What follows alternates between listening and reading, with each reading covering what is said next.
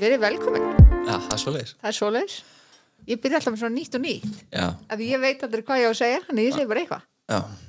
Þú, þú ert alveg bara mjög mikill frumkvöld í hvernig við byrjum Það? Jú, Er mjög flott hér. Takk. Þátturinn dag er tekin upp í PSA, AK Siri. AK Siri. Við erum bara fyrir norðan. Og við Ég er ætlum... spáði að segja að þessi þáttur sér búið rekstraður. Já, það. Ég er spáði að gera það. Það er bakkjarl. Það er bakkjart í er dag. Uh, Sjúklega þakklátt fyrir það. Já, mjög þakklátt Mhm. um, En í dag ætlum við sérst að að fara yfir sögu hjá Akureyriskri mær Já. Er það rétt? Yes. Ok, nice good. Herðu, velkomin í þáttinn Já, takk. Þú heitir? Katla heiti ég. Katla Já, Sæl og blessu sæl veriði. Þetta er stressu Já, smá, þetta er svona kikka inn eitthvað í morgun Já. fatta þetta í gær og svo var ég bara, já, herri uff, ég er að fara að gera þetta. Úti hvað er ég komin. já, hvað var ég komur í? Nei, nei, þetta er bara þetta er bara gaman, Ok. Það er svona maður þarf að vennast þessu aðeins. Já, já. um, Þú ert hérna vegna þess að þú ert alkoholisti Já, mikið rétt. Ok, Ég er óvirkur alkoholisti akkurat. Í bata. Í bata? Já, Til með það. já, takk fyrir Hvað er Ég- búin að vera retro lengi?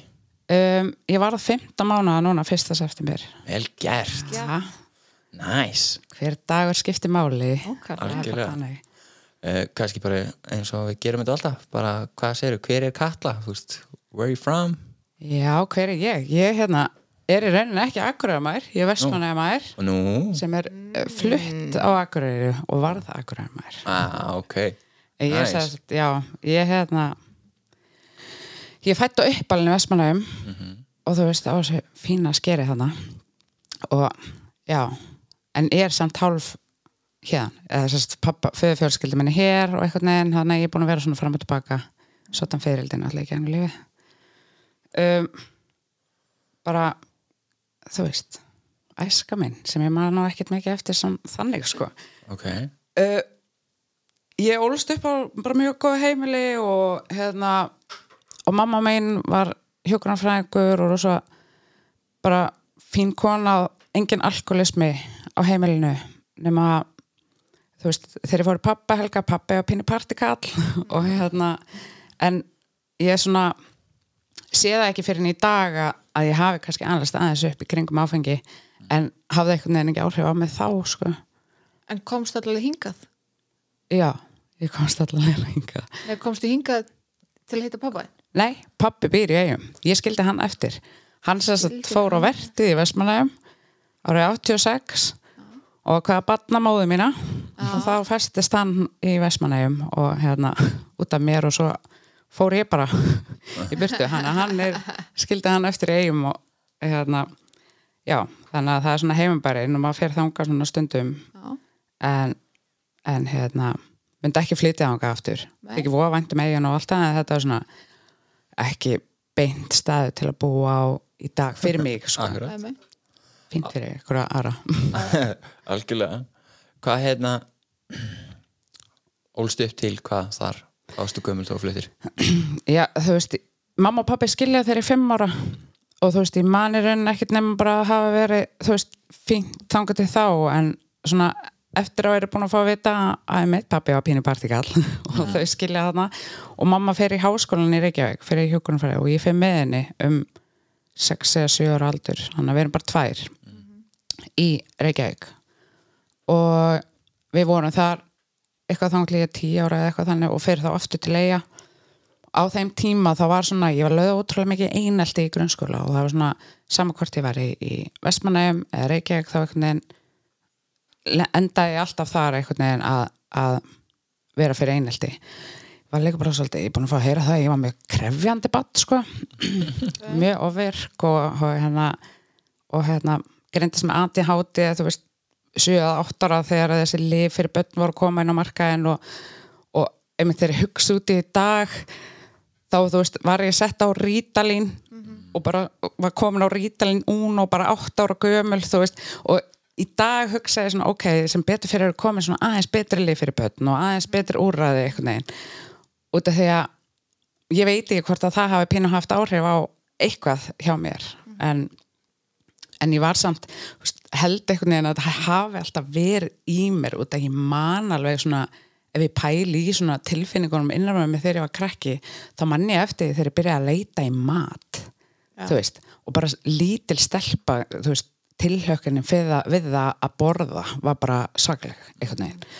Og þá svona þegar maður fer að skoða þetta betur þá held ég að fíknin mín til þess að flýja einhverja ákveðna tilfinningar hafi byrjað bara þarna þannig að ég hérna, tók mig til og fitnaði bara rosalega þú veist, bara ég var bara gett vennilegu einhvern veginn og fitnaði rosalega og stækka ótrúlega mikið eins og sjá ég er með hávaksin ég varð bara 1.84 bara með fermingu sko, þú veist, þannig að ég var alltaf svona hæst í bekknum, algjör lúli og þú veist og svona og já, var bara löð einelti og ég fer aftur til leiða tíu ára og þá, þú veist, held einelti einhvern veginn áfram og út, var verið að setja það út á vakstarlag og svo leis já, basically og svo líka náttúrulega bara, þú veist ég var bara ótrúlega ofverk, sko, og var einhvern veginn alltaf að leitast í einhverju viðkenningu frá fólki og var, var þú veist, örgulega með uppáþrengjandi og svona ekki kunnan í mörg? Nei, þú veist, mörkin voru ekki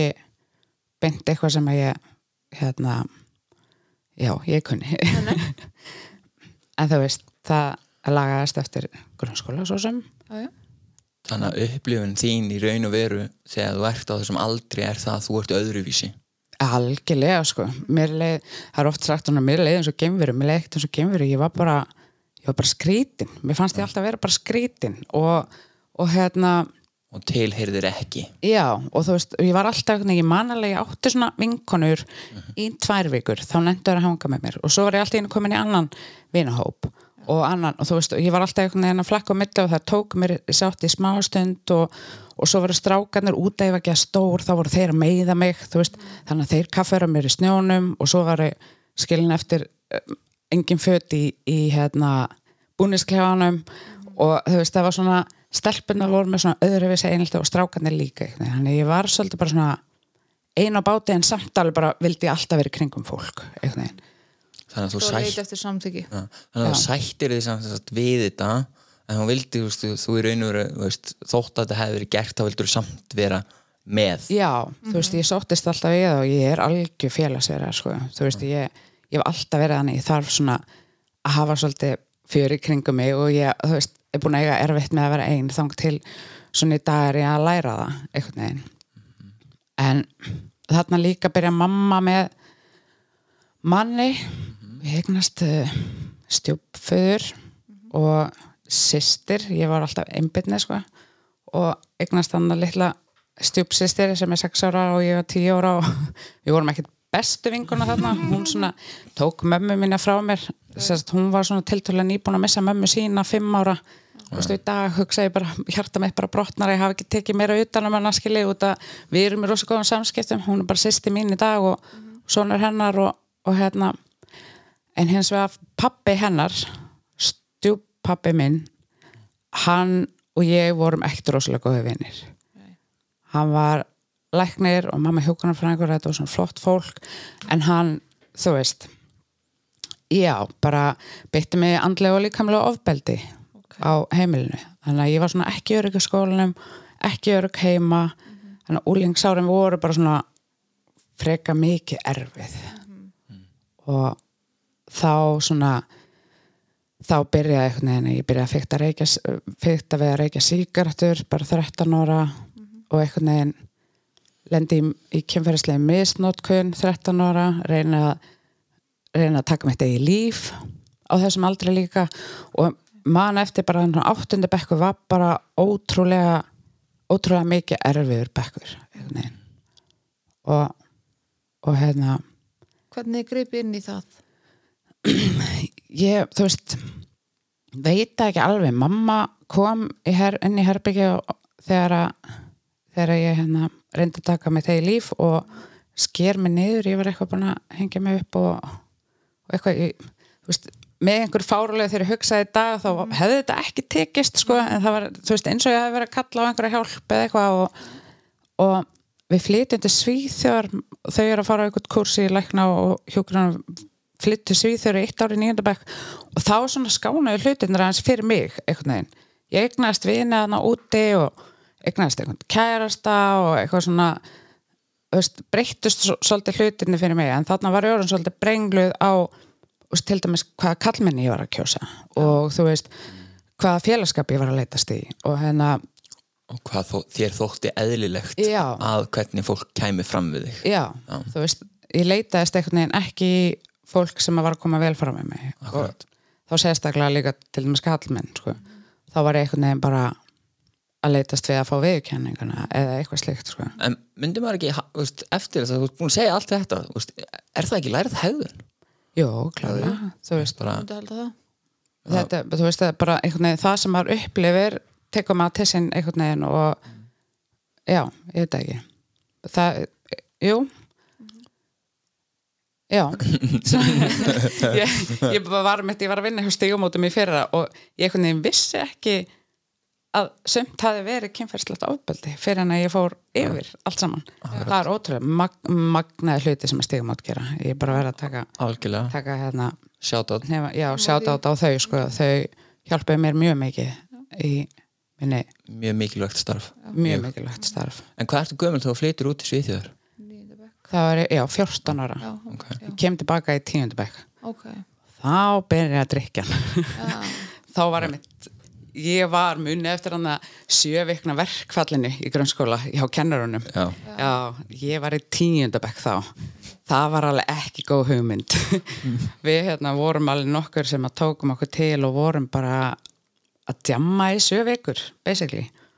Og flyttur þá til eigi aftur eða hvers flyttur? já, þá var ég í eigum með mömmu og stjúpappa minnum og hérna og ég man eftir að maður var að henda áfengin út í gluggan og, og læðast út og eitthvað og svo var þetta orðið aðeins erfæra út það var sett parkett á stegana og ég man eftir að maður var svona finna spott þú veist, og ég náði að gera þetta ótrúlega lengi þanga til á síðustu vikunni.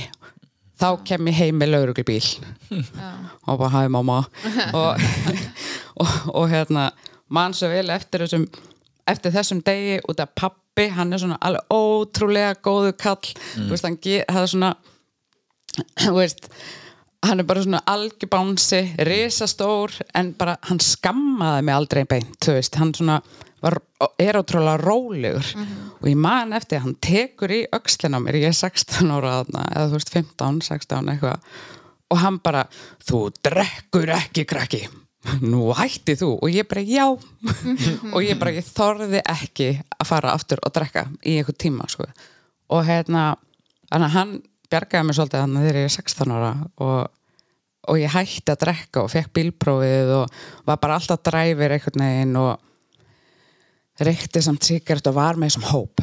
Skilur. ég losaði mig ekkert þar út. Já. En félagskapur sem samþykti þig. Já, eiginlega sko. Akkurat. En þarna fer ég samt líka svolítið aðra leið heldur en flestar alkoholistar. Ég byrjaði í sambandi alveg 17 ára eða eitthvað svo leiðis og þarna var vestmanneska hefðin er alltaf, já, þú færði mann eignar spöld, kaupir íbúð helst að hafa hann á sjó þú veist, þetta var bara svona, er bara svona stöðul ímynd fyrir vestmanneginga að þið gerir þetta þegar þið eru 16-17 ára skilji og amma var einmitt alltaf bara það eignar spann, það gerir þetta svona en ég bara gerir þetta svona. Og hérna og ég kau- kaup mér hann íbúð með þessum kærasta mínum 18 ára og hann út á sjó. Og ég heima í landi, bara baka köku og eitthvað, veist, bara einhver húsmáður hann bara já, já, nú ætlum við að fara eignar spötn og og þetta var bara svona old school dæmi. Mm. en það er svona gekk eins og það gekk, ég er ennþá ballus í dag sko. Ok, og já. Þetta þetta var svona, það, ég byrja einhvern veginn að drekka þarna aðeins aftur fyrta við hann er samt gekk og þá til ég er 19 ára þá, þá hérna deyr mamma mín skyndilega og hún er 39 ára og hún er bara í vinnunni og nýgur niður og hjarta stoppar. Það var ekkert svona engin undafari og ekki neitt þannig að þetta var svona gífulegt áfall. Og samhryggist já, takk fyrir það. En að það var mjög erfið tími. Ég trúi því. og þá var bara eitt í stöðunni fyrir alkoholistan. Já, já. finna sér eitthvað til að deyfa sig. Og þá byrjaði ég einhvern veginn að- hérna litast í, í gras. Ok, já, þar byrjaði svona þá er árið alveg 19 ára þegar ég byrjaði eitthvað að fykta Hvernig kveiknar svo hugmynd, eða þú veist þá áttur þú kannski vinir sem voru í þessu. Já, þú veist, ég þekkti hans til og svo var ég bara, hei, byttu var ekki eitthvað búin að segja mér að, að þetta, hérna, þetta getur láta mér að líða betur. Ég man bara einhvern veginn eftir þessu mómenti, man rosalega lítið eftir þessum tíma, einhvern veginn. okay. Og út af því að þarna í kjölfari þá, þú veist, þetta er æskuvinu minn, svo eftir það þetta er afi, eiginlega bara sorgu eftir að hann missi dóttur sína. Já, og þú veist, bekkjasæsti mín og þú veist, það er svona bara röð áfalla urðu bara á þessum tveimur árum eða eitthvað að bara fólk var bara hrinni í kringum og tímabili var bara, já, ekki kynnast mér þú ert að fara að deyja, þú veist. Þetta var svona, já bara hvað kemur næst, hvað kemur næst? Og já, þá svona eitthvað neginn fórsaldurna lífi mitt pínu í, í bara klassu já, ég er með smá spurningu. Já, hvað er með það? ég er hérna að því þú segir ekki kynnast mér að því þú ert að fara að deyja. Tengduru dauða annara við þig? Algjörlega sko, ég held að vera bara mér að kenna. Þú varst bara svona, þú varst bara svona sign í lífi annara Já. you're going to die. Já, eða svona. Þú veist, ég, mér leiði alverðina ég var bara svona, þú veist, ef þið komið á nálægt mér þá eru þeir bara að fara að deyja. Þú veist, þetta er bara körs á mér mm og þegar að mamma deyr, ég átti svona hálsmenn sem ég setti alltaf á mig sem að fyrir hann kærasti mig gaf mér. Og bara hverjir mótni setti ég þetta hálsmenn á mig. Og ég glemdi þennan morgunin og ég var bara, ég vissi að myndi hvað slæmt gerast þegar hálsmenni væri, þú veist, bara það var svona allt einhvern veginn varð mér að kenna. Mm. fórst að taka ábyrð á hlutum sem voru ekki þínir? Já, algjörlega sko. Bara algjörlega. Það er pínubringlega maður spára í því. Ég held að þetta sé samt bara rosalega algengt fyrir alkoholista Já, ég held að það sé mjög margir sem að fara og láta hluti sem snúast ekki um þá snúast um þá. Já, og tengja það við sig. Já, það er alveg rétt sko. Mhm. maður er svona, maður hefur heyrt þetta oft Já. sko, þegar fólk talar um þetta. Bara, já, þetta er mér að kenna. Mm algjörlega. En, en þannig að þú fer bara í þetta fix að bara nota grasið til þess að deyfa burt all þessar erfiðu tilfinningar í kringum þetta? Já, en þú veist, ég byrja vola hægt og það er þarna bara ennþá í sambandi og við erum að reyna eigna spöld þannig að ég hætti að drekka og hætti þessu inn á milli og svo gekk það ekki og við reyndum alveg lengi einhvern veginn að gera það og, og svo, þú veist tveim árum setna eitthvað, þá loksins tekst það og þá missi ég fóstur komin 11 vikur. Búin að reyna eigna spöldni þrjú ár og það var enn eitt svona áfallið. Og, og þá tekum við bara svona ár ég og fyrirhanda að reyna að retta sambandinu. Já, ég var trólu okkur, já, ég var þú veist, einhvern veginn að reyna að retta sambandinu. En við trólu um okkur og svo beila ég bara fer til Reykjavíkur á bara einhverjum einn degi og ég bara farin frá Vestmannaugum, Vestmannaugir eru ástæðan fyrir að ég er svona, þú veist og, og hérna og fer í snirtakademinni í Reykjavík þú veist, ég bara svona gerði eitthvað. Ég er algjört fyririldi og hef alltaf eitthvað þurft að hafa eitthvað að gera, bara alltaf.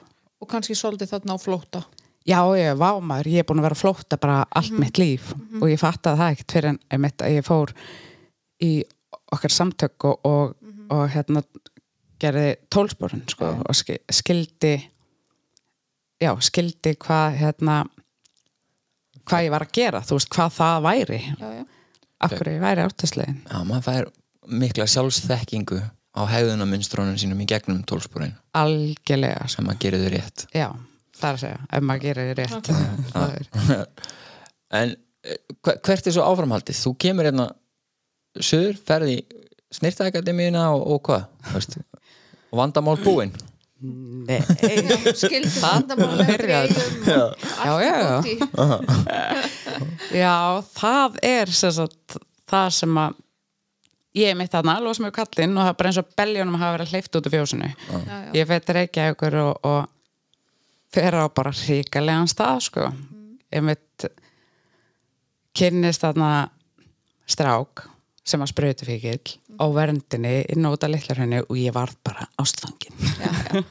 Og veist Loksins rættir ströymur en svo einhvern veginn var ég ekki ástofanga við urðum alveg bestu vinir og ég var mjög mikið í kringum hann og vini hans og, og var bara svolítið fljótt þarna stónarinn frá Vestmannaugum þá var ég bara komin bara á þannig stað að fólk var bara í bælum og, og, og þú veist, í mjög harðari neyslu. Og ég var komin einhvern veginn inn í þennan heim bara á einum degi. Bara húsmörinn í Vestmannum og bara einhver bæli í Reykjavík. En ég held samt einhvern veginn áfram í skólanum haldandi uppi, þú veist, ég var alltaf að reyna að halda fronti. Og þú veist, þe- þegar ég fór til eiga þá var það svona smá pása einhvern veginn. Mætti alltaf í skólan útskrifast úr um skóla, ég skil ekkert hvernig sko. ég, bara, ég, ég fatta ekki hvernig ég náði að útskrifast úr um skóla og ná einhvern veginn að halda þessum boltum á lofti. Bara einhvern veginn út að ég bara að ég hátti og þurfti að halda fronti og eitthvað, en það var bara, þetta var bara ógeðslega erfitt tímabil þegar ég hugsa út í það tilbaka sko. en já, ég er þarna eitt ár og keiri mig svolítið í kaff og fer til eiga þegar ég útskrifast og sleppi bara einhvern veginn tökunum. Þú veist, ég bara, ég sleppi mér og fer bara já, bara djamma í mjög langan tíma sko. Hvað er mjög langu tími? eða skilur nokkra mánuði sem, að, sem að ég er bara svolítið ótjúti og, og reyna eitthvað að byrja í vinnu og reyna eitthvað að gera eitthvað en allir, löggum að byrja að fylgjast með mér og, og þú veist, það var að vera að fara að segja pappa hvað ég var að gera og þannig að pappi tekur mig til hliðar og, og segir þú verður að fara í meðferð og hann sendi mig bara svolítið í meðferð sko. Hven, er þetta? Þetta er 2013 2013? Já, það eru Ok. 24 ára. Hann bara svona, þú ferði með þér eða ég loka á þig. Og ég bara, ó, þú veist, ég var svo háð pappamennum við erum bara tvö, þú veist, hann á bara mig og ég var svolítið, við áttum erfitt með að klippa naflastarengin, skilji. Þannig að ég fer svolítið í meðferð fyrir hann þarna, sko. Ok. Hvernig virkaði það? ekki vel. Það er sjokkar Já, sjokkar Ég mitt svona að hugsa þetta og ég saði við hann daginn, ég bara pældi þegar ég fóru með þér þá var ég bara ekki tilbúin. Þú veist, ég var ennþá að, þú veist, ég var ennþá ekki búin að pæla í því að mér langaði til að hætta skiljiði ég var, mér leiði ömulega þetta var glata, ég var orðin mjög þú veist, háð ymsu en mér langaði ekkert að hætta. Þannig að þú veist ég dætti það bara eftir þrjá mánu ég fór ekki tólsporin ég fer inn á Vóvík samt og klára það og lærði samt ótrúlega mikið af þessu. Þú veist, í dag er ég rosalega þakklátt fyrir að hafa farið þarna og út af þá skildi ég mig. Ég bjóst aldrei við að ég væri alkoholisti. Ég sá það mitt bara fyrir mér eins og margir hafa sagt ég sá það bara fyrir mér róna og hlemmi þú veist, Já, já. að það væri alkoholisti ekki ég en þarna kemst ég líka að því að það er alkoholismi í fjölskyldun minni afi minni er búin að vera etru í 30 eitthvað ár. Veist, þetta er bara svona vissi ég í raunin ekki. Mm -hmm. fyrir fjölskyldun minn er ekki svona opinn eins og ég. Það er ekki mikið rætt. Og hérna þannig að ég fekk aldrei þessar upplýsingar fyrir en að ég fór að gera þetta. Og pappi segi mér að hann hafi farið í meðferð þegar að ég var lítil tveggjara og þú veist, ég vissi ekkert í rauninni af þessu út af því að þetta var náttúrulega bara eðlilegt í kringum mitt líf veginn, já. Skilji Hvernig fannst þið samt, hvernig var það þegar þú fegst að vita? Var, var það svona, what? Varstu bara svona, ha? já, pínu, þú veist Mm. ég bjóst einhvern veginn ekki við því að þetta að, veist, ég vissi ekki að þetta verið til eða skilja mig, og svona við það Já. þú veist, maður sér í dag þú veist, ótrúlega fólk sem eru alkoholistar og bara gegga flott fólk skilju, eins og mér finnst ég bara fín pía, skilju, og ég hefði það bara gott og ég gera góða hluti og eitthvað en ég er samt alkoholisti, ég er samt rosalega veik þegar það kemur að þessu sko. þannig að en það er bara svo klikkað við þetta er að það er bara hægt að breyta lífinu sinni svona mikið. Þeir hugsa út í þessar minningar sem ég á 2012, 13, 14 og 15 hana þá bara er þetta er bara svona fjarlæg bíómynd. Þú veist, einhver bíómynd sem ég horfði á fyrir 6 árum eða eitthvað. Þetta, þetta meikar ekki sens að þetta sé ég, eða skiljiði mig. Þetta er svona skrítið að hugsa til þess. líf bara. Já, eða, þetta er ekki mitt, mína minningar samt sá ég þetta. Þú veist, Upplýðu það. Já, uppliða Hvað hérna, þú ferði í þess að meðferð dettur í það eftir á við tekur mm. veisla? Já. Á þeim tímapunkti líklega. Á þeim tímabundi, já, svona ágættis veisla. Ég, var, að- ég, var, ég hef alltaf verið einhvern veginn að reyna að halda upp í boltanum. Já, en þarna 2014 þá svona var ég á aðeins betri stað fór ég ágættisvinnu og eitthvað en eignast þarna kærasta. Og sem ég er með eitt ár. En þarna, þú veist, ég var búin að byggja mig svolítið þarna upp og hann tekur mig svolítið og bara brýtur mig í þúsund móla einhvern veginn. Hann beitti mig líkamlega og, andlega ofbeldi svona, þú veist, auðvitað leitaðist ég í það. Og hann var mun eldri en ég frá, eða þú veist, erlendur og var að vinna með mér í, í hérna fiskvinnslu í Vestmanægum og þetta var bara svona við vorum að vinna 12 tíma saman voru saman 12 tíma og ég mátti raunin ekki fara neitt, ég mátti ekki gera neitt þú veist, án þess að veri og þetta var bara ótrúlega eitra samband og lauruglan var að koma heim og, og fjarlagan og þú veist. En samt vorum við einhvern veginn ekkert mikið að nota hana, þú veist, eða neitt þannig, þú veist, við vorum alltaf bara alltaf í vinnu og hann, jú, hann drakk og, og þú veist, við vorum ekki edru en þetta var bara já, það var eiginlega bara svolítið hræðilegt ár og þarna fitnaði ég rosalega mikið. Ok. Þú veist, ég bætti bara ótrúlega mikið á mig ég var alltaf verið svona jó-jó þú veist, hérna holdarlega séð. Ég hef alltaf verið jó-jó í gegnum tíðin og þú sér, það sást það svolítið utan á mér hvernig mér leið. Já. skilji, ef mér leiði vel þá var ég betur stemt og ef mér leiði illa þá vitnaði ég. og vinkonum minn fór að sjá þetta og það var alltaf að reyna að taka mig frá honum og þannig ég flýi land. Já, já, Já, bara eins og maður gerir. Já, já, bara svona eðlilega. Kaup mér one way ticket to Thailand og ég fór. Ein, Ok, ok. Alveg til Thailand sem vissi ekkert hvað ég var að fara úti og bara belaði. Ok, Það þarf enda rosalegt hugur ekki til þess. Já, ég er svolítið, ég, get verið svolítið klikku en mér finnst ógslag gaman að taka svona, ég er rosa kvatis Mm. og þetta komið samt ekki á slæman stað, þetta gerir rosa gott fyrir mig en ég áttaði mig samt að ég var að flýja sko, Já, já, eftir á mm -hmm. segja. eftir á. Hvað, hvað gerir maður í Tælandi? Komandi úr þessum aðstæðum hvað, hvað var í Tælandi? Herðu, ég vissi ekkert hvað ég verið að fara út í. Ég, ég Var fólk ekki svona bara, jæja? Já, sko, jú, ég hérna þau voru einmitt bara, þú veist, það voru margir sem voru búin að fara þarna. Og þær voru að vinna eða svo ég átti nokkra vinkonu sem fóru og unnu og skemmtist þarna úti og bara, bara gegga, þú veist, bara að djamma allan tíman og ég bara, já maður. Svo hugsaði, sem mann ég settist ég bara, ok, herri, ég get ekki haldið áfram að vera þessi, út af mér langaði alltaf að vera etru þannig ég fór og fann mér uh, mútæ búðir. Og sem er það er sagt Thailandst kickbox ég hafði aldrei verið í bardagi þráttum en ég var bara það er engin að fara og bókin berja mig aftur þú veist, þannig að ég bara grjóthörð já, Girl power. Já, algjörlega. Ég fer þarna og ætlaði bara að pröfa mánuð og ferðast svona um Thailand en ég endaði bara að vera þarna í þrjá hálfa mánuð í þessum, nálægt þessum búðum. Djamaði helling en fór líka inn í þetta einhvern veginn, hann að þetta styrti mér rosalega mikið þannig að þegar ég kom tilbaka þá var ég mun sterkari kona sko, þú veist. vel og einmitt ferðast bara ein og, og var í París bara tóta ein og ég gerði allt bara svona með mér einhvern veginn. Þannig að það var, þínum fórsendum já og bara ef ég vildi fara til hægri, fór til hægri og þú veist, það var þetta er mjög mikið lífs, lífsreynsla sko. fannst þér að hafa áhrif á þig að, að, hérna, að þjálfa þig upp í, í barda íþrótt gaf þið þér uh, sjálfsöryggi um það að þú myndi geta varið þig ef þú myndi koma þér inn, í- inn í annað svona samband það sem að algjörlega sko.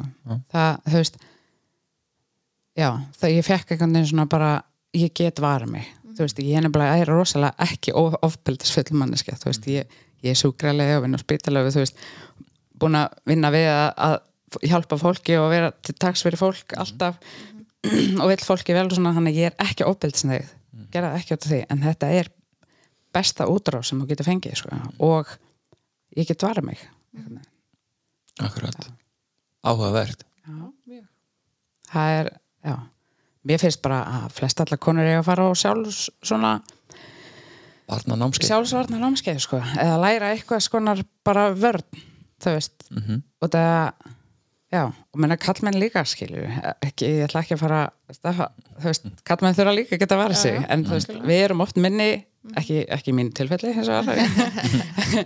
en við erum oft einmitt svona konur minni og við þurfum að geta varið okkur fyrir svona já, bara alls konar út og götu og alls þar og hvað ár kemur þau heim? Ég kem alveg heim 2016 Ok. en ég kem heim með einu markmiði að fara aftur út Hanna, ég fer aftur út 2016 til Thailands þá með vinkona minni. Og það var geggjuferð, þá vorum við að ferðast og við vorum að æfa og, og, og svo fer hún og ég er eftir. Þannig ég er lengur en hún en þarna var ég líka samt. Þá, þá var ég farin að reykja og alls konar veist og ég man eftir því mitt á einu tímapunkti bara ég er á geggjum stað en samt liða mér illa.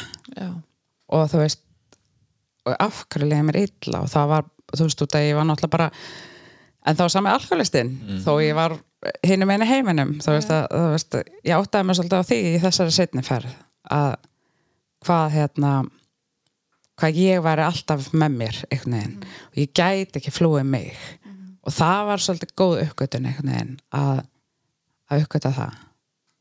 Ég held að það sé svo margir sem hafa gott að heyri þetta sko maður tekur alltaf hausinn með sér sko. já, maður þekkir ófáa alkoholista sem halda það að ef þeir flytja einhvert að þá setja öðruvísi já, já ég er búin að gera það nokkur sem mm. believe me, það virkar ekki Nei.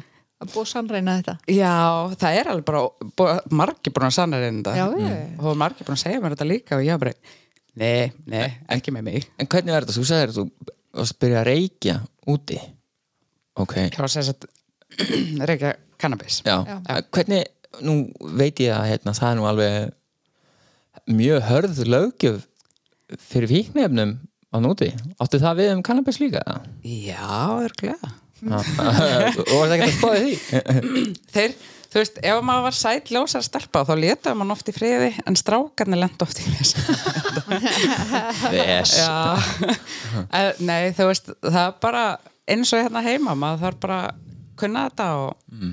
veita hvað maður að gera sem að maður leita náttúrulega í þann félagskap að maður gerir það, en þetta er riski, þú veist, ég átti alveg inni sem að fóra þarna inn og eru mögulega ennþá í fangelsi fyrir bara eitthvað smáttir í, sko. Þetta er náttúrulega reykjald, maður ónáttúrulega ekki að vera að gera þetta þarna. Þú veist, ég fyrir ég fara að hugsa einmitt, sko, hlutirnir sem að maður var að gera og bara, já, ég ætla bara að lappa ein heim, þú veist, ég var alltaf, ég var alltaf bara þarna, þú veist, svo bara hugsa ég núna, maður horfa á einhverja heimildmyndir okkar, guðminn góður, þú veist, ég, ég geti vel verið dáin, sko, maður verður svolítið carefree að nóti, öðruvísi lífverðni og já, bara maður lifir eitthvað en öðruvísi, Algjörlega. það er bara engin aflega hugsun nei, ekki neitt, sko, að maður er svolítið sko, mér finnst mjög fyndið að pæla aðeins í veist, stundum heldum að sko annarkvært er fólk bara með enga afleggingahugsun eða geðu ykkur núvitund. Já, þetta er svolítið annarkvort eða sko. já, já, algjörlega. En hvað, ok, þú ferð þarna út aftur, ert þarna í eins lengri tíma og farin að gera svona kannski Já, ég, ég, ég, sko þegar ég kem heima hann 2017 þá flytti ég inn í, í mína íbúi Vestmannum, ég var náttúrulega bara búin að vera út um allt og þú veist, búslaði minn einhver staðar og, og ég flytti hann inn í mína íbúi og, og tek bara svona vinnusumar og er að vinna sem þjótt akkurat sem þjótt, fyrir inn í þann gera og þá allt í einu er alltaf þessi eftirvaktabjór. Og hann var svolítið mjög algengur mjög mikið. Þannig að þetta var svolítið svona partí sumar og varðpínu partí vetur og en þarna er ég skóla og 100% vinnu þannig að ég lók 2017 eitthvað neginn og ég tek bara þessa bilu ákvörðun, ég fer eitthvað eitthvað verknám í Reykjavík og ég bara, herru ég get ekki verið í Vestmannaum út af því að það gerir mig, ég er að segja, ég er búin að flýja Vestmannaum svo oft, þetta er ágætt staður gerir mig ekki alkoholista en þú veist, þeir sem eru búin að vera í Vestmannaum og eru alkoholista er vita hvernig þetta er hana þú veist, maður hefur ekkert að gera um að drekka ef að maður er á þeim stað í lífinu skilur akkurat. Og hérna uh, ég sel íbúðuna mína og kaupi mér íbúð sem er ekki búið að byggja hérna á Akureyri á bara einni eða tveimu vikum eða eitthvað. Þú veist og ég bara ég er bara gónir og þú veist þetta er svona þessi stóru kvatvísu í mín lífi sem endaði samt vel sko. En ég man eftir að ég gat samt ekki beðið eftir að flytja þannig að ég bara hringdi í bróði pappa og mis bara heyrum á ég búa hjá ykkur í sex mánu þannig að íbúin með tilbúin. Og ég gerði það, ég kom inn á norður og byrjaði í Vaffema og ég var sagt, að klára stúdentinn og sjúklegan hana og var alveg í nýju fögum í skólanum og, og að vinna á sjúkrahúsinu og þú veist, var ekki að nota hér. Mm. þegar ég var bara að fara að búa heim með bróði pappa og ég ætlaði bara að vera edru og ég gerði það en ég byrjaði að borða rosalega mikið. Ok. og ég kem hérna og ég man, alveg í februar, ég kem í janúar man í februar allt í hennu bara svona tss, hvernig komst ég hingað? Ég bara svona kom aftur til lífsins og bara, oh my god, ég bara flutt til Akureyrar íbúinum er bara seldi eigum, þú veist, þetta gerðist svona út að ég var að flýja. En er að fara hana, en það vaknar svona til meðvitundar um hvað er að gerast. Já, nákvæmlega, bara hann allt í einu bara, what, hvert er ég komin? En það var já, það var svolítið klikkuð klikkuð hérna ákvörðun. En endaði mjög vel. Svo, þeir eru pælið setna mér, sko. Það, En þú fær svona að flýja í mat þegar þú já, þá kom þú veist ég nefnilega mátti ekki nota hér en ég mátti nota þegar ég fóði til Vestmanna Já, og ég fór svolítið oft hérna. það, það er alveg ferðalag sko. Já, já. fara og maður var svona, já, ég ætla að skreppa til eiga mm. og það var svona þarna sá ég líka fíkilin í mér bara svona, verða að skreppa til eiga bara yfir eina helgi. En ég leita mjög mikið í matana og þingist rosalega hratt og mikið 2017 og 2018 og ákveð þá að fara í magaermis aðgerð gerði það í oktober 2000 og- nei, september 2018 og í kjölfarið þá þurfti maður að hætta að drekka og allt það, þú veist, ég þurfti að gera það og þurfti að hætta að reykja sigarettur og allt þetta, þannig að ég fatt að þarna bara, já, herðu ok, mér líður ömulega hvert að ég að fara. Þannig að ég vissi hvert ég átt að fara. Og ég fór á fund. Og ok, þegar að ég mætti þar þá bara tekja ógislega vel á móti mér og og já, hvað var það? Hverju hef ég að tapa? út af því ég fór heim og ég bara, æ, þú veist, ég ætla ekki að vera að gera þetta ég þarf ekki að þessu að halda og, og hérna, ég get alveg sleppt þessu ógislega gröm, ógislega perruð, skilji, og bara allt í voli einhvern veginn í hausnum á mér og, og en var samt einhvern veginn að útskrifast ég var samt að fá þetta sem ég ætlaði mér að gera en leið ógeðslega illa þó ég var nýbúin í þessar aðgerð og ég var, þú veist, það var bara það var umulegu tími veginn. En ég ákvað að láta undan þú veist, og ég er bara svona, ok eh, hvað, hvað er að versta sem getur gerst? Versta sem getur gerst er að mér leiðir aðeins betur eða þú veist, án gríns já. þú veist, og ég get alltaf skilja þessu þá get ég alltaf bara hætt þessu þú veist, ég er alveg frálsk ekkert þessu ég, ég er ekki bundin einu nei. þannig Nei, nei. og ég náði þannig nýju mánuðum edru ok. Um, nema þegar að þú veist, ég var svolítið í smá stund einhvern veginn að falla 2019 að ég áttaði mig einhvern veginn ekki á því fólk var alltaf að segja í kringum mig bara svona já, þú ert á hálum ís einhvern veginn. Og ég var alltaf bara hérna bara með banan eirunum bara nei, nei, nei, nei veist, ég get þetta alveg, ég er með þetta ég þarf ekki að mæta svona marga fundi ég þarf ekki að gera þetta, ég þarf ekki að gera hitt og ég hætti að gera einhvern veginn það sem að átt að gera. Já, eiginlega sko. Það sem Já. við, við verðum að gera einhvern veginn. Já, það er svo akkurat. lítil prósend af því sem að var að gera haldi þessum boltum á lofti sko. Og en það er bara alkoholistin í eitthvað sem er bara nei ekki gera þetta. Veginn.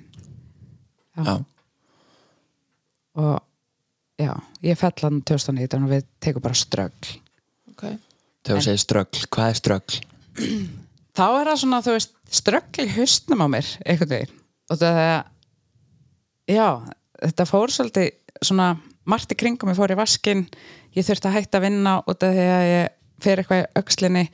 Þá náttúrulega bara kaupi ég mér eina leið til Thailands auðvitað ger ég það. Já, já.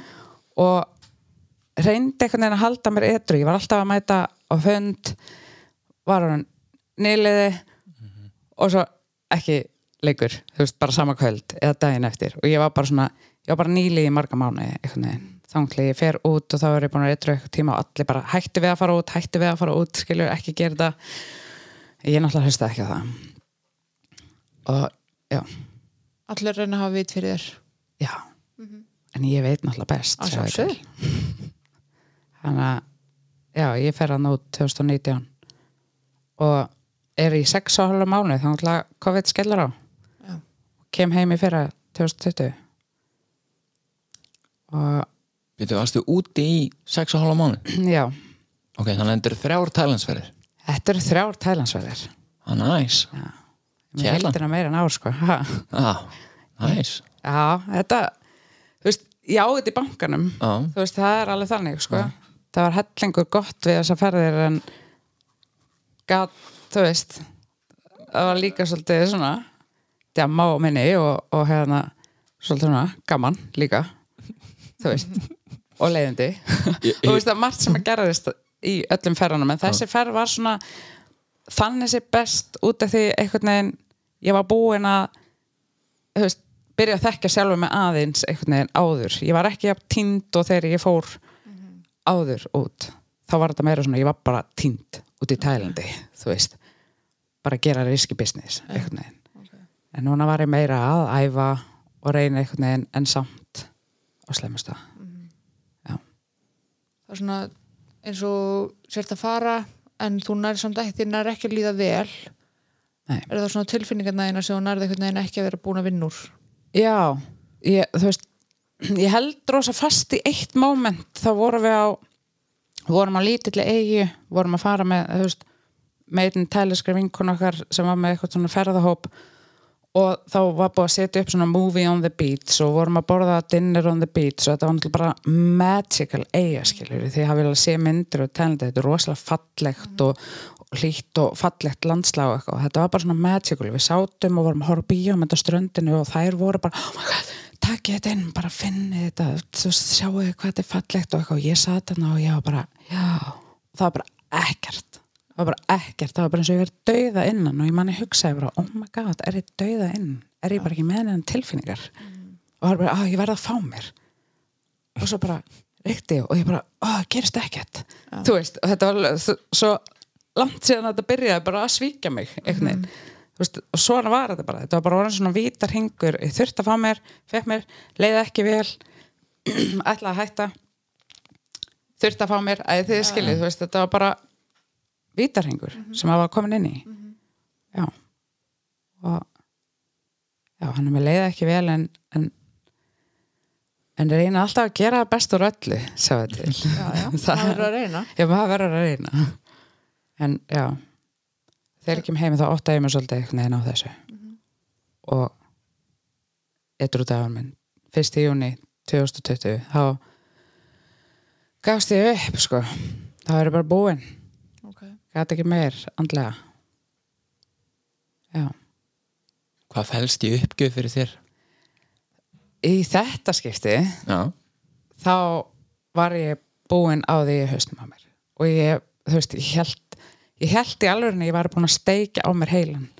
Ég er ekki að tjóka. Ég hef yfirleitt verið frekar vel gefin skilur, fæ fæ gott í skóla þú veist, ég, stend mig vel skilur í svona mörgu sem ég geri og er, þú veist, not just a pretty face. En þarna þá var ég bara, oh my god ég er bara heimsk. Ándjóks bara heimsk. Og það var var byrjun sjokkir. Þannig að það var eitthvað sem að svona, þú hengi sjálfsverðið þitt á sem sagt það að þú væri góð í skóla og, og væri nú alveg svona gáfuð. Algjörlega. Að allt í einu var það farið og það var svolítið svona ó nei. Já, já, það var svona partur af þessu. Já. og svona bara leiði mér umulega Já, já, þú veist, það var ekkert sem að glatti mann eitthvað rosa mikið skilur nei, var það sem var öðruvísi við kannski hinskiptin? Já, þú veist, þegar ég var fyrst að reyna að vera eitthvað þá var ég náttúrulega bara að keira mig svolítið þú veist, þá var ég orðin búin og líka með sál og, og komin á þann botn. -hmm. en þegar ég skoði þetta eftir á þá á maður svo ótrúlega marga botna og ótrúlega marga mismandi þú veist, þinn botn þarf ekki að vera eins og minn og, og öfugt sko. og botnin hjá þú veist, fólki sem ég þekki er bara allt öðruvísi. Þú veist, eitthvað sem að einni manneski fannst bara eðlilegt það var botna minn. Já, og þarna var hann í þessu tilfelli sko. Hvað gerir í framhaldi? ég, þarna ég var náttúrulega skikk og heim út á COVID og, og þetta var svona bara ég ætla að vera í þrjá mánu í viðbót, ég var hann í sex mánu og ég ætla að vera bara eins lengi ég geti og með leiða íbúðinu hérna á Akureyri og eitthvað og ég einhvern veginn bara svona þetta gerist bara í flýti, ég og vinkunum mínum bara sendar heim einhvern veginn hafa bara ticket to travel gæin og bara gera þetta núna og bara svona koma okkur heim bara í einhverju eðumörku dæmi á tveim dögum og, og við lendum henni í Reykjavík og ég ákveð að fara í bakvarasetana út að ég er súkraliði Ok, og gat ekki hugsa mér að ekki nýta það til góðs í þessu ástandi sem vorum í. Og hann er ég fer í bakvarsetan og vinn hann í COVID og einhvern veginn ekstra slutinu þannig að ég er alltaf inn og bara fluttir Reykjavíkur og byrja að vinna á gjörgæslinu í fyrra. Og í COVID. Og þarna á þessum tíma þá var ég bara svona þetta er nú ekki alveg nógu smart að vera eitthvað veist, að drekka og vera í þessum alkoholísku hugsunum. Ég var svo sem edru þannig svona þurr, þú veist, þegar ég var að byrja í þessu út að það var náttúrulega bara veist, mm -hmm. þekktingan er ekki hvort þið er og svona, ég var bara að vinna og eitthvað. Og þarna ákveði ég að ég var bara já, fer, ringi vinkonu fer með henn á fund og fæði mig strax sponsor og ég byrjaði að þú veist gera nákvæmlega það sem ég vissi að ég ætti að gera og ég gerði það bara daginn eftir þú veist, ég kerði bara strax í þetta út af því að ég vissi hvað beði mín einhvern veginn, Mm. ég vissi að ég gæti gæti liðið betur á því að framkvæma. Og vissir að væri til laust já, ég vissi að það væri til laust mm. og það var svo geggja einhvern veginn að ég hafði upplifað þessa lausn áður en ég framkvæmdi ekki nóg. Þannig að ég bara ok, nú verði ég að framkvæma. Mhm. og ég hafði öllu að vinna, hafði á öllu að vinna hvað segir maður, ég hafði, hafði enga tapa en öll að vinna. Að vinna. Já, og já, ég hafði alltaf að vinna. Og í dag er ég svo þakklátt fyrir það. Ég hafi bara ströggla pínu lítið, Þú veist, þetta er svo lítið sem það þarf að gera sko. Hvernig er fyrsta árið í, í edrumönsku? Hvernig var það? Herru, það var bara Voru regnbúar og einhyrningar og, og fyririldi og glimmer? ég, ég teka fram, ég var að vinna á gjörgæslinni í COVID. En ég var ánægð allan tíman, þú veist, ég var hamingisum skiljur, það var ímislegt sem að gekka á á þessu ári og ímislegt sem að maður þurfti að díla við og, og bara alls konar, ég fór í aðgerð á þessum tíma þú veist, ég náttúrulega misti mörg kíló eftir ég fór í maðurmina þú veist, og ég þurfti, ég fór í aðra aðgerð kjölfarið til að laga og þá þurfti ég að lif og það var bara svona einhvern veginn ekkert mál út að ég var með mannesku sem að hjálpaði mér með það og, og þú veist.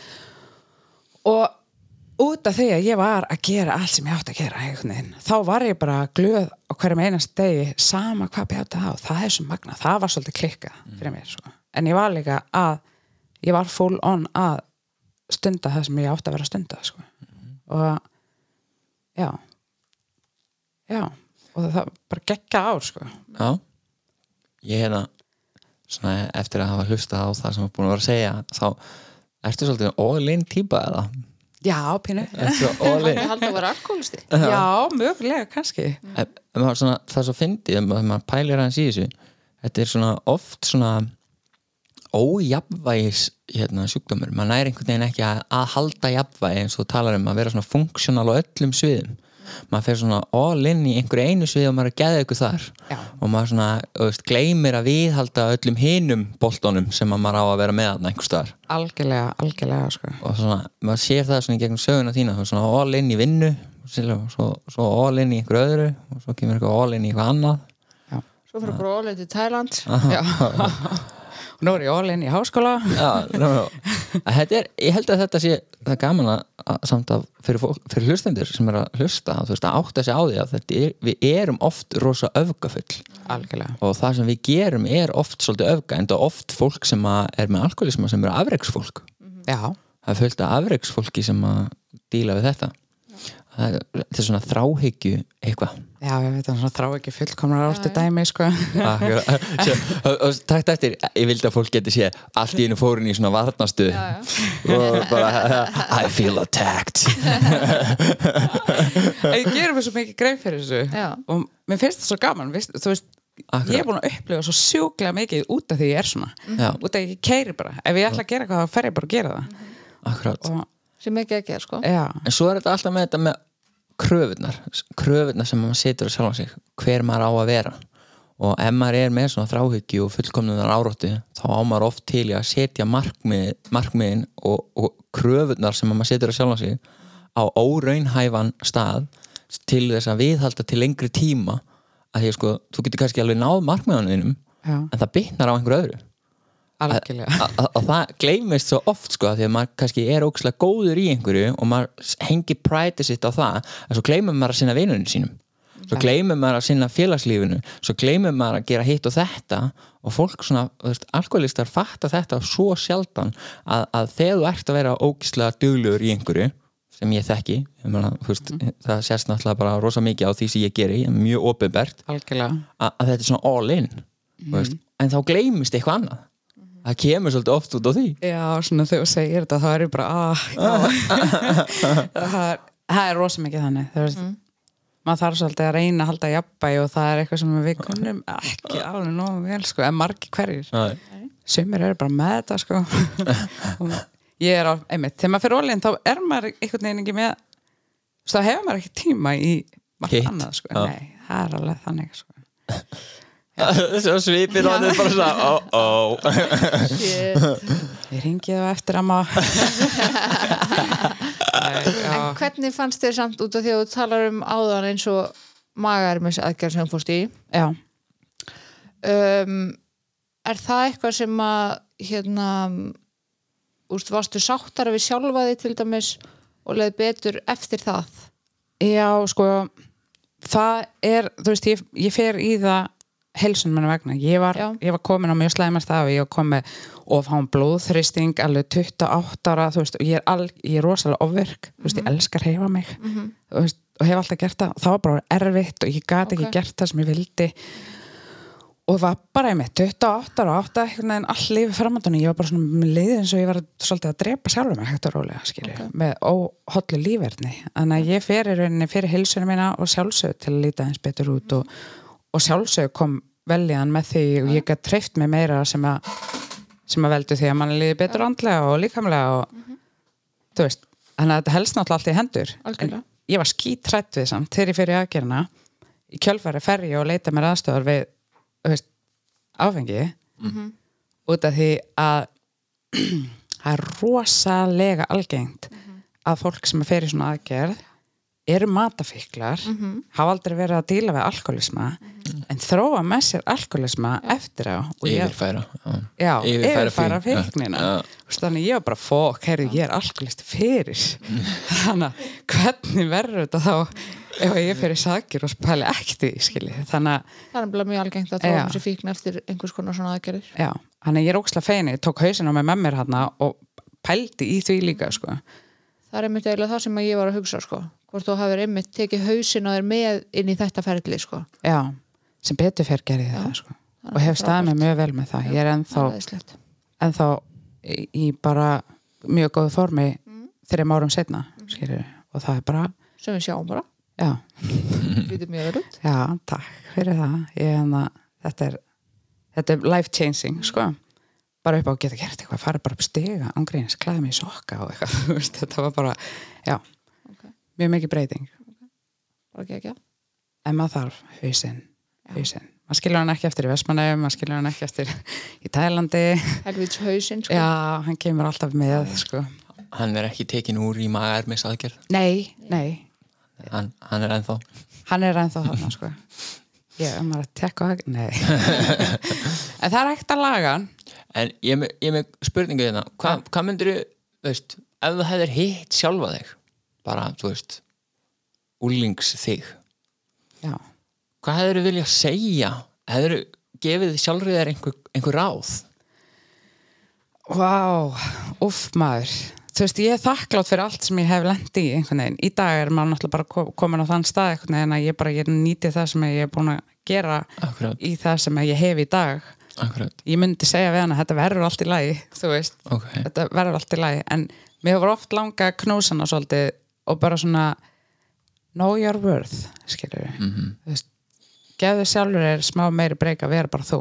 Já, að ég var alltaf að reyna að vera eitthvað önnur heldur en ég var til þess að einhvern veginn það er heldur erfitt. já, það er heldur erfitt að reyna að vera einhver annar en maður er. Ég, það er, það tekur á. Já. það tekur nefnilega á. Já, sérstaklega til lengdar. Já. Það er bara það er svo gott að vera búin að læra það að ef að þú fíla mig ekki þá, þá þarf ég ekkert á þér að halda ef fattar hvað Já, við já. og þú veist, ef að fólk fíla mig ekki eins og ég er, þá er það bara alltaf lægi það er svo gott að vera búin að læra það. Já. alla æfi þá hef ég alltaf verið bara nei, þú verður að líka vel við mig. Þá að einhver ágjafis að við mig bara líka þér vel við alla? Og ég bara nei, bara, nei, akkur það þá öllum að líka vel við þig. Einmitt. og það var ákveðið frelsi þegar að ég fattaði það einhvern veginn. Vera people's pleaser. Já, ég er að vera svolítið þar sko. Það er erfitt. Það er erfitt að vilja vera samþyktur af öllum.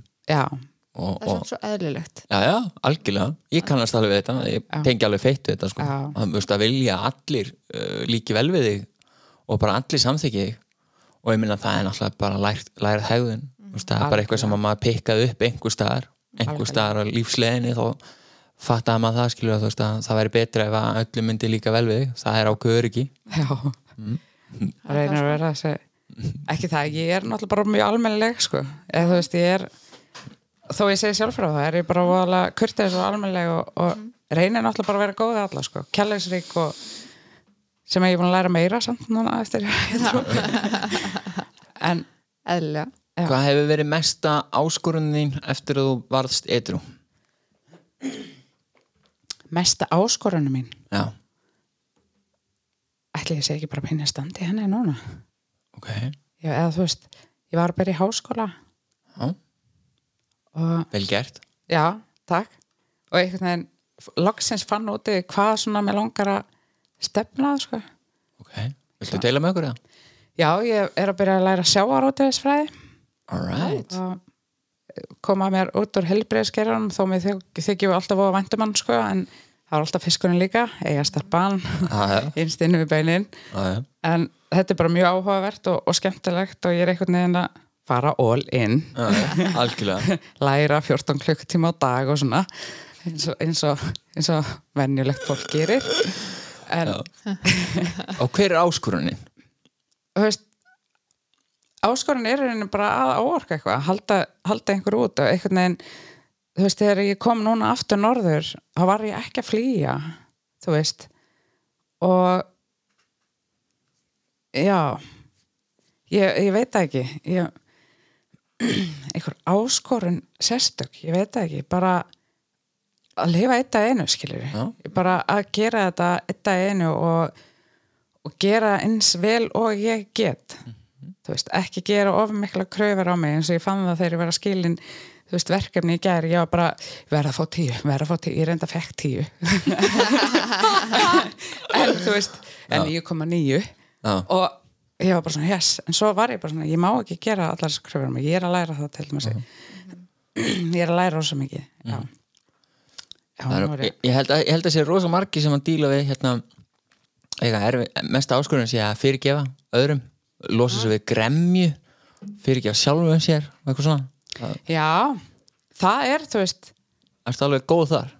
Ég nefnilega, ég var alveg nokkuð fín í því sko. Já. Ég var rosalega auðvelt með að, að, hérna, fyrirgefa og, og, og ég fer alltaf yfir daginn minn á hverjum degi. Ok, og það gerir það að verkum að ég kemur rauninni veg fyrir að ég þurfa að segja fyrirgefu skilju. En, Já. en það er eitthvað sem að mér finnst mjög auðvelt aðeins að gera ef að ég þú veist á í röngu og ég tek gaggrinni mjög vel og svona, þú veist, í dag þá finnst mér þetta ekki vera áskorun lengur, en ég man alveg eftir því fyrst sko, Já.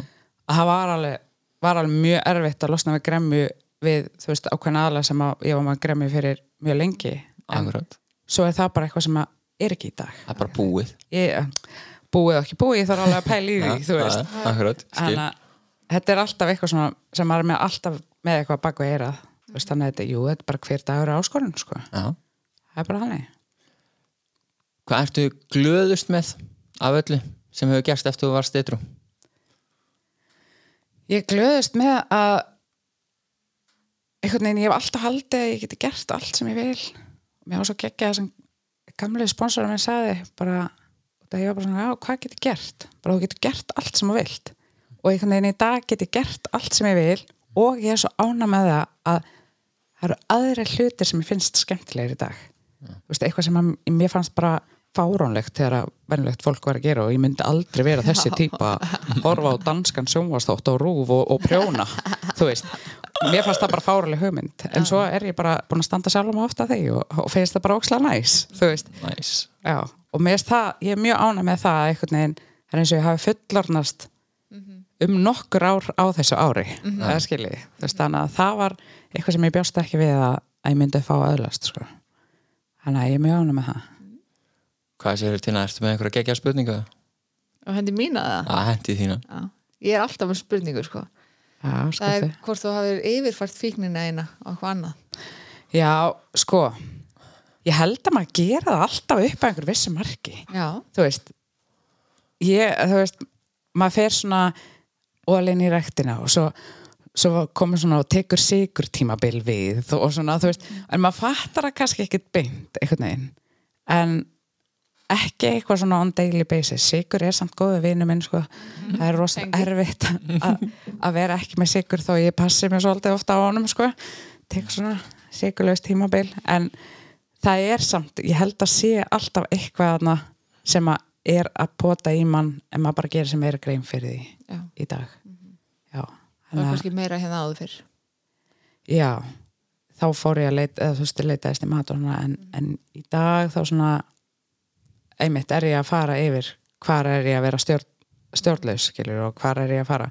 En ég þarf líka að vera að gera það til þess að þetta ekki inn í þetta. Þú ert allan, þú ert allan að gera það? Já, Nákvæmlega. ég er að gera það. Það er nefnilega, ég held að fólk átti sig ekki á því að, hérna, að bak við bata liggur mikil vinna. Þú veist, og það er vinna sem er lögð inn í, í, í bankan Já. bara á hverjum einasta degi sko, til þess að- Algjörlega. til þess að eiga efna á erfiðutöðunum Já En svo koma svona högtar eins og þegar ég var að flytja á eitthvað svona þá svona, "Hó, ég er ekki búin að mæta á fund og dag og ég er ekki búin að gera maður fer að brjóta sér þessu niður. En það, þú veist, það, þetta, lífi gerist skilur líka, Þetta en þá er mitt spurning um að vera með þessi verkfæri og, Þetta með kröfutnar sko. já, já, Þetta með akkurat, kröfurnar, akkurat. en, Já. já, einmitt eins og þú segir, það er bara spurning um að verður að maður verður að gera þetta til þess að fá ekki til þess að feil ekki, skilur Akkurat. þetta er bara, sko, edrúmennska er framkvæmda program, alveg eins og það að vera í neyslu er mikið framkvæmda program algjörlega. Ég ætlaði að mynda að segja að það var oft svona þetta er bara svona pínu lítil partur að því á móti allt sem að ströggli sem að var í næstu, maður, maður var 24 tíma eitthvað í því en þetta er bara svona klukkutími hérna klukkutími hér, mm -hmm. að skiljiði og svo e, rúlar þetta þegar maður er komið með þetta maður þarf ekki, ég þarf ekki að pæla í því þegar ég er að taka bænina mína og eða skiljiðu Algjörlega hún er alltaf til staðar er Ég er alltaf með, já, þetta er komið í rútinu og þá bara er þetta partur af manni. Algjörlega. Ertu í góðum samskiptum við alla fjölskyldu og bara, Já. bara Já. fe- fengið meira tilbaka eða algjörlega sko Já. alveg breytt samskipti á mörgum sviðum mjög stór fjölskylda þannig að erfitt að vera í samskipti við alla en það er, það er gott allstaðar sko. Það er bara, já, það er dýrmætt. Já mjög dýrmætt sko. Maður getur einhvern veginn verið til staðar það er líka eitthvað vera á staðanum og ekki alltaf að drífa mig og alltaf, já, já, nú er ég að fara ég þarf að hérna núna? eitthvað óheðalegt þannig að ég er, maður hættu því og maður getur Já, einmitt. Ég er samt líka ofur þannig að ég er ekkert eitthvað staldra við of lengi út að ég þarf að vera brasa en það er annar mál, það er ekki út af það er ekki út af ég þarf að fara eitthvað til þess að flýja skilji. Mm -hmm. já, geggja Ég held að við séum bara góð. Aldi ég, ég hef að babla og babla maður bara Þetta var bara geðvegt, takk æðislega fyrir að koma. Já, já, takk bara fyrir að takk fyrir mig, það var gaman að spjalla við ykkur. Sumleiðis, gaman að koma. Ræðislegt